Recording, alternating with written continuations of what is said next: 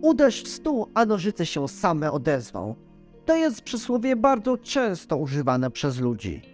I w kontekście mojego ostatniego odcinka podcastu dotyczącego wideo marketingu szczególnie prawdziwe. No bo w poprzednim odcinku dotyczącym tego, jakich programów używam, chcieliście, abym odświeżył temat tego, co robić podczas nagrywek, podczas nagrywania filmów, aby te filmy nagrać ciekawie, ciekawie dla widza. I chodziło wam oczywiście o rady takie uniwersalne, co nie? Dla każdej branży, dla każdej opcji, tak to nazwijmy.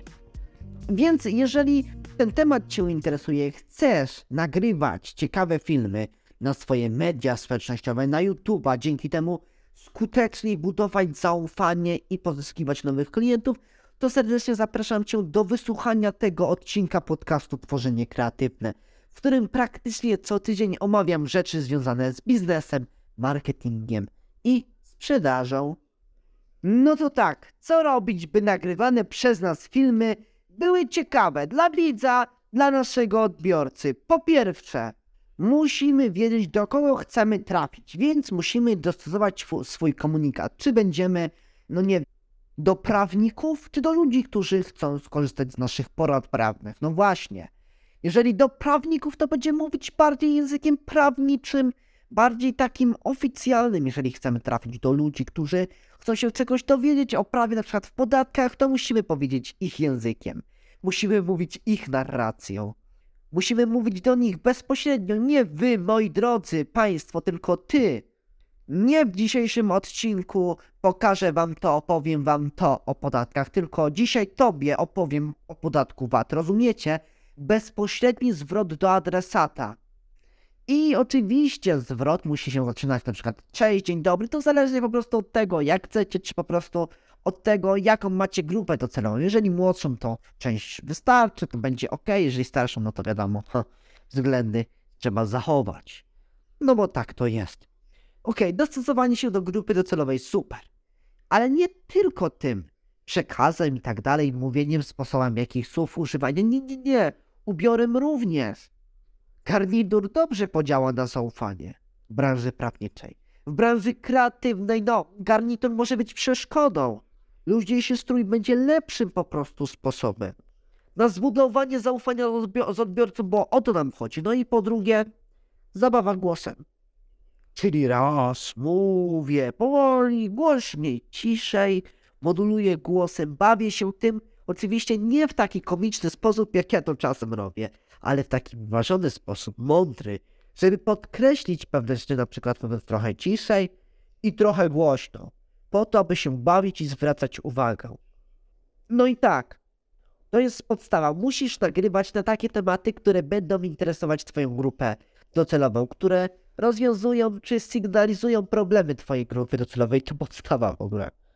Unikaj czegoś takiego jak yy, tych przerw, gdzie mówisz nagle, hej, dzisiaj pokażę wam yy, bo to strasznie jest denerwujące. Oczywiście, to można wyciąć, ale czasem się nie da. Ale jak unikać tego? Yy, no to ja mam sposób ostatnio. Z neta wyczytałem, wyoglądałem od jakiegoś tam amerykańskiego twórcy związanego z publicznym przemawianiem. No i on mówił tak.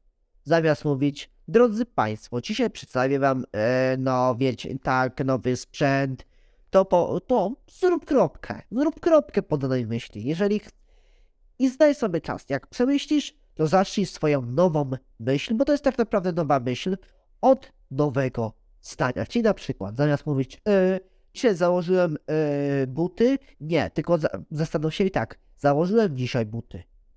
Okej, i właśnie w taki sposób najłatwiejszy można to rozwiązać.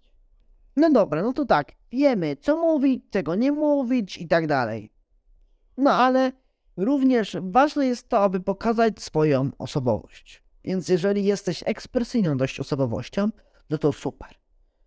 Jeżeli nie, to troszeczkę się pobudź, troszeczkę daj siebie energii, bo to jest mega, mega, mega ważne. No, a i podczas nagrywania warto tryskać tą pozytywną energią, uśmiechnąć się. Jeżeli popełnisz jakiś błąd językowy, gramatyczny, to pamiętaj, można to wyciąć i pamiętaj, że nie warto się tym stresować. Tylko trzeba iść dalej, nagrywać dalej.